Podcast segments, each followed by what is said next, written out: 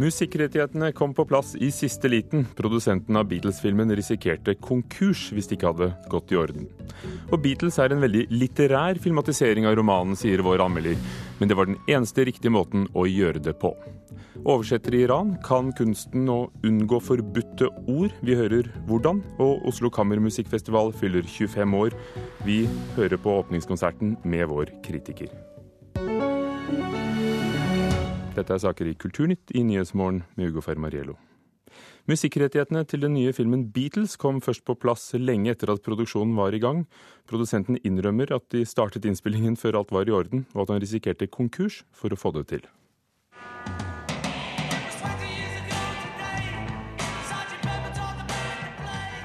Med originalmusikk fra selveste John, Paul, George og Ringo ble den norske kinofilmen Beatles vist for norsk presse under filmfestivalen i Haugesund i går. Si velkommen til en ny elev. Filmatiseringen av Lars Saabye Christensens suksessroman om fire Oslo-gutters ungdomstid har vært under planlegging i flere år, og produsent Jørgen Storm Rosenberg satsa alt på å få bruke originalmusikk før produksjonsstart. Vanligvis så klarerer man musikk når filmen er ferdig innspilt til scener. Men vi holdt jo på med den prosessen før, for vi visste at finansieringen var bundet opp i at det skulle være klarert. Det som skjedde var at Jeg satte i gang prosjektet før jeg hadde fått klarering. Jeg tok en råsjanse på at jeg skulle få det til, selv om sjansen var minimal. For det er både sjeldent og dyrt å bruke Beatles-musikk på film. Både The Hours and Times fra 1991 og Backbeat fra 1994 handler om Beatles, men ingen av filmene fikk bruke originalmusikk. Men produsent Rosenberg satte karrieren på spill for å få originalmusikken inn i den norske filmen. Sånn sett så var det jo, satte jeg meg på en måte hele selskapet i, i, i sjakk, da, på sett og vis. For hadde vi ikke fått det, så hadde jeg måttet legge ned. Da hadde jeg brukt mye penger, kanskje gått konkurs. Og Rosenberg innrømmer at det var dyrt å bruke Beatles-musikk på kinolerretet. Men det er jo det er bare rettferdig, det er jo Beatles. Så har vi en avtale om å ikke gå ut med summen med, med opphavsmennene, da. Filmen Beatles er regissert av danske Peter Flint, og før gårsdagens festpremiere i Haugesund innrømte han at han er spent på om det norske filmpublikummet godtar filmatiseringen av den folkekjære boken. Jeg kjente til Lars Saabye Christensens øh, arbeid, men hadde ikke lest Beatles og var ikke klar over hvor stor og betydningsfull den bok er her i Norge. Jeg er nok spent øh, 98% øh, fordi nå skal vi se om publikum kan løsrive seg fra boken og oppleve filmen, hvilket jeg håper. Sitter ikke her og hører på musikk. Nei, nei, vi gjør lekser. Fra filmen Beatles, regissør Peter Flint til slutt, reporter Martin Hotvedt. Einar Gullvåg Staalesen, programleder for Mørkets opplevelser og kritiker i NRK. Hva er din umiddelbare reaksjon på filmen? For meg fungerer dette. Det er en uh, hederlig uh, filmatisering. Det er en veldig vanskelig filmatisering og var nervøs for resultatet. Men jeg tror faktisk at den formen de har brukt dramaturgisk, med å ta, ta, utgangspunkt i at hovedpersonen her, Kim, skriver eksamensstil om sine helter. Eh, og det at han skriver dagbøker for seg selv, eller kanskje også en forfatterspire. Han, han vil ikke helt blottlegge seg der. Men det gjør det mulig å bruke litt mer litterær form på både tanker og noe dialog.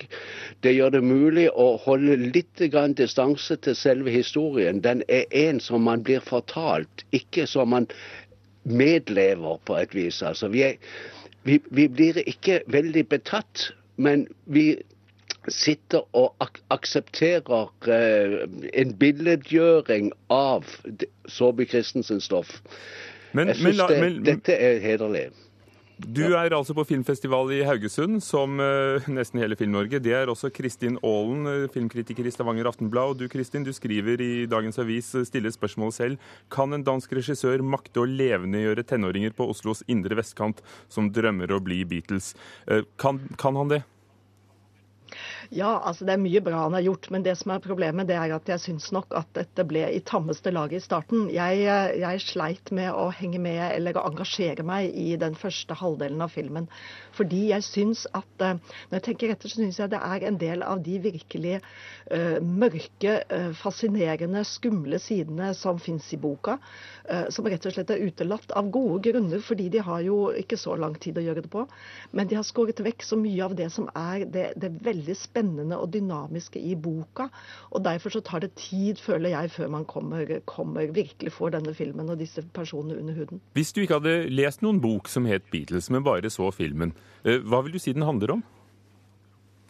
Ja, jeg vil si at den da handler om fire tenåringsgutter som prøver å, å bli trygge på seg selv. Uh, og det, det som er, er, essensen for meg, det er at bandet de prøver å lage, det, det er kalt Snafus, som betyr situation normal, all fucked up.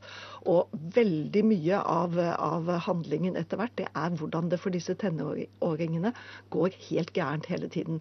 Og det, det gjør at det, blir, at etter hvert blir sprut og blir spenning mot slutten av denne filmen. Einar Gullvåg Staalesen, de har jo måttet begrense seg. Er det en riktig avgrensning de har gjort ved å la det hele skje i løpet av ett år, og ikke over mange år, som i boken? Eh, det riktig eller galt, det vil det være sterkt uh, ulike meninger om. Men altså Aksel Helstenius, som er manusforfatter for filmen, han har valgt ut det lyse stoffet i boken, og ikke det, det mørke som de som opprinnelig planla å lage film fra, av, av uh, Beatles, ville velge. Men uh, det, er jo, det, er jo, et spørsmål om valg. og Noen gjør det ene, og noen gjør det andre. og Det ene er ikke galere enn det andre, men det er klart at uh, man vil engasjere seg ganske ulikt. Og her er spørsmålet også om det er litt sånn for norske filmskapere og produsenter for tiden at uh, de må være så trygge på at dette er en slags eh, feel good-film. Uh, slik at de er engstelige for å ta inn det spennet av følelser som fins i Lars Saabye Christensens roman. Det høres ut som du tror at det er det de er. Noe der, men de, de, er ikke engstelige, syns jeg. altså. Det ligger der. Det, og det, det, ligger litt langt bak, og det ligger der i, i små drypp. Eh, vi aner hele tiden altså Jeg vil ikke heller si at guttene er sånne som mislykkes, men de snubler hele tiden. Og noen av, av, av, disse småfallene de ser du en slags avgrunn i. Eh, de kan godt utvikle seg videre. Der går ikke filmen videre. Der forholder den seg til at guttene er relativt normale og vellykkede.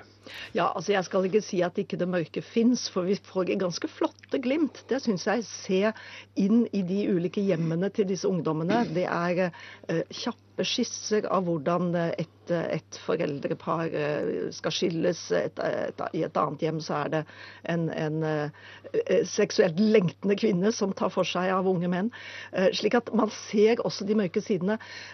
Problemet er jo selvfølgelig det som vi alltid kommer tilbake til, at når vi har en stor koloss av en roman, og dette skal settes om til en film på halvannen time, så er det jo bare noe av det som kommer med. Jeg syns vi skal bestemme oss for at vi skal slutte å sammenligne bøker og filmer. Altså Det er klart at man skal fortelle hvor man har funnet sitt stoff. Men vi skal ikke tro at vi kan lese boken i bilder. Men det er vanskelig for en bok som en veldig mange i Norge har lest, Einar Gullvåg Staalesen? Ja, helt klart. Og, og, det er jo en forferdelig mye større utfordring å lage en slik film enn å lage en hvilken som helst annen filmatisering av, av litteratur. Men dere, takk skal dere ha. Vi og det er jo et spørsmål om de skal velge det. Takk skal dere ha, Einar Gullvåg Staalesen, som er NRKs filmkritiker. Og takk, Kristin Aalen, filmanmelder i Stavanger Aftenblad.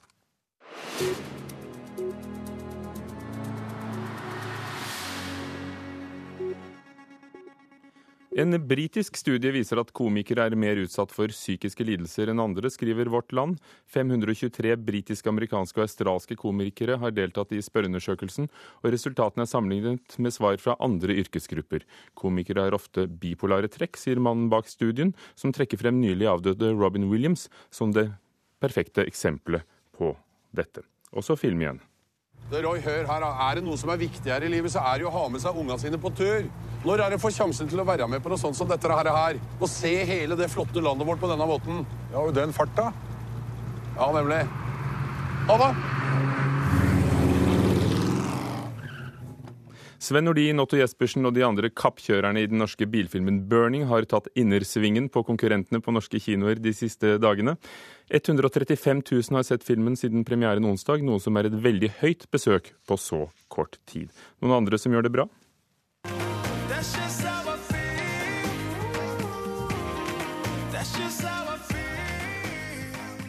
Siste Nico og Vince-nytt. Den norske duoen beholder førsteplassen på den britiske topp 40-listen. Låten 'Am I Wrong' har nå tronet på toppen av den britiske singellisten i to uker. Nico og Vince er første helnorske gruppe som blir nummer én i Storbritannia siden a-ha i 1986.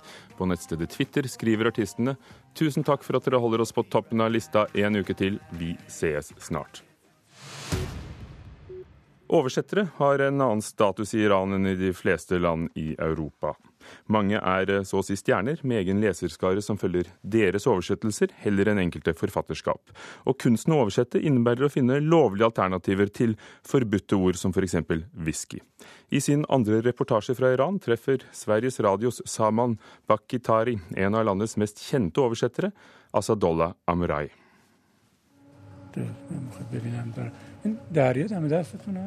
Översättaren Asadollah Amrai ber en av de anställda på bokhandeln vi träffas i att ta fram några av hans senaste översättningar från hyllorna för att visa mig.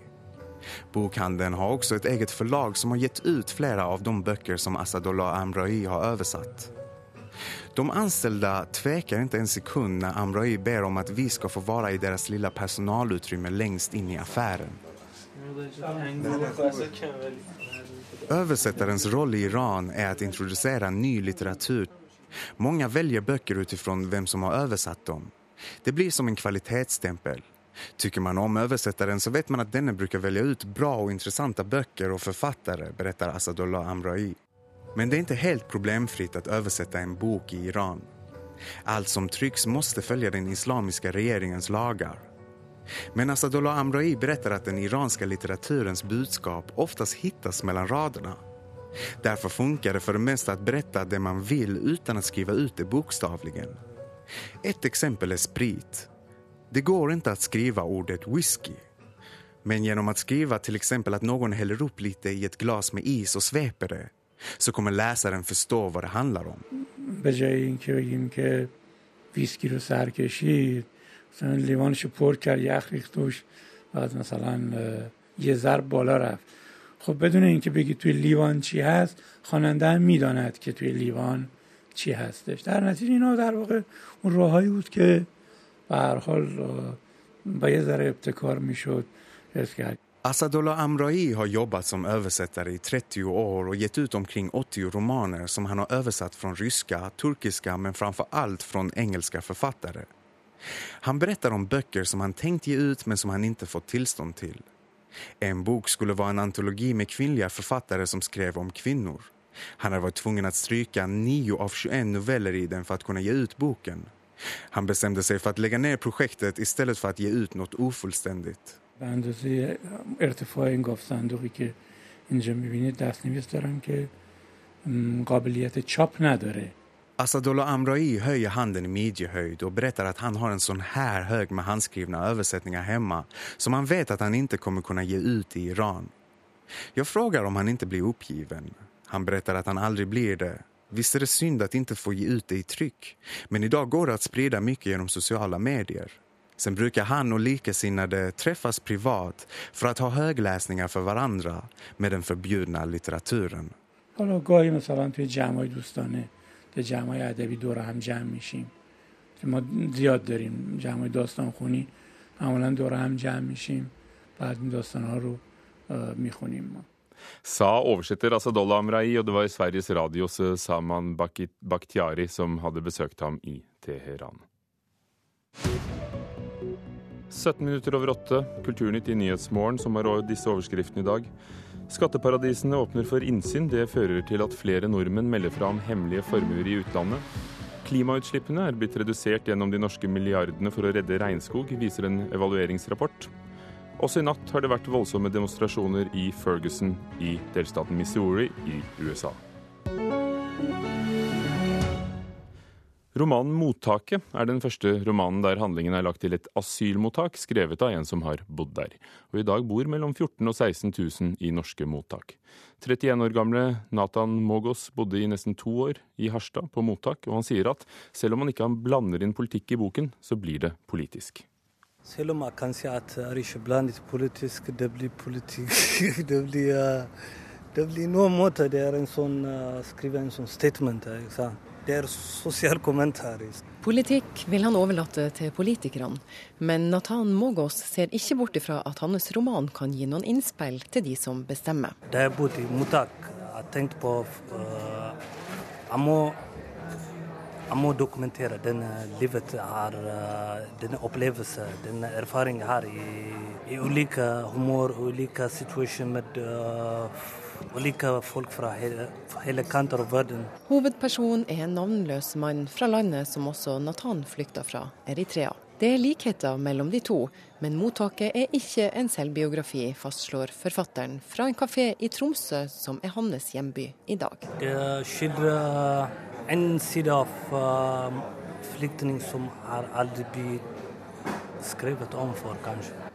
Til tross for dette, Mågås mener at romanens tema ikke bare er mottaksliv. Det handler om universelt tema. Det er en eksistensielt spørsmål. Hva er mitt uh, plass i verden?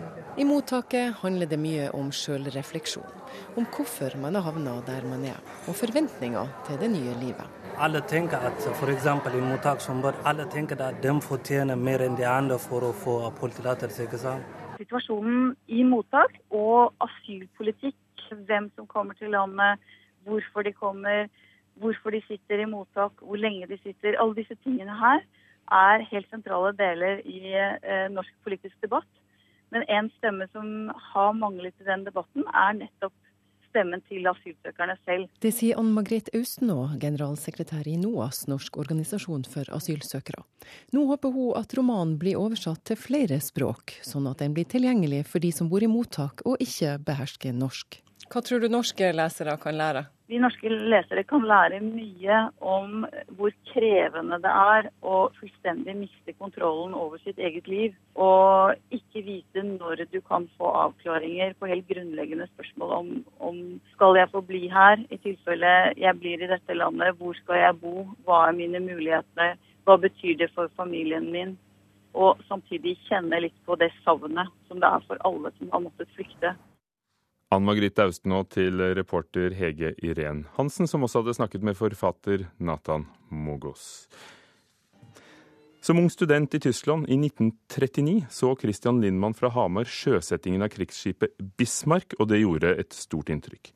For tre år siden begynte 98-åringen med båtbygging som hobby, og denne helgen sjøsatte han Bismarck og krigsrivalen Hood på Mjøsa. Det er litt mye bølger her i dag. Mjøstranda i Hamar lørdag. 98 år gamle Christian Lindmann skal sjøsette båt. Da skal vi prøvekjøre nå. Ikke noe uvanlig affære ved Mjøsa. Men da båta heter Bismarck og Hood, ja da begynner det å bli litt spesielt. Setter vi i gang Bismarck først. Det er resultatet av et arbeid Christian har holdt på med i nesten tre år, som bæres mot sjøen. Miniatyrene av de en gang så stolte krigsskipene, som 98-åringen møysommelig har satt sammen av tusenvis av bitte små deler. Men er båtene sjødyktige? De er lave, så disse bølgene slår akkurat over. Så egentlig er det litt skummelt vær, altså? Ja, det er ikke så helt bra.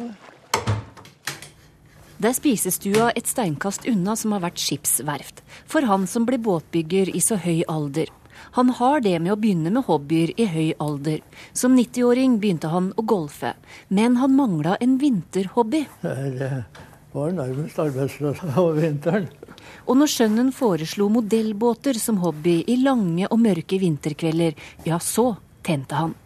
Og Bismarck var det klare førstevalget. Jo, for jeg, jeg, jeg, jeg liksom husket uh, sjøsetningen i Tyskland. Jeg var, jo, jeg var ikke til stede, men jeg jeg så jo Ukerevyen, og så jo da det, det oppbudet da de den båten ble sjøsatt i 39. For du var i Tyskland du når eh, Bismarck ble sjøsatt? Ja, jeg, jeg var, var der i fire år. Ja. Tilbake på Mjøstranda. Jeg døper deg Hud. Hell og lykke følger på Alle de sier hva. Ja. På. Den britiske marines store stolthet, slagkrysseren The Mighty Hood og tyskernes toppmoderne og største slagskip Bismarck har felles historie fra andre verdenskrig.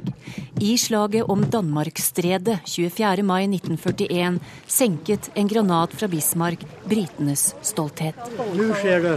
Og det er Hood som har jomfruturen sin i dag. Nå går Hood ut. En to meter lang kopi på drøye 20 kilo. Hvor er fjernkontrollen? Den like lange, men litt tyngre Bismarck ligger allerede stolt i bølgene, og familien venter spent. Nå går den,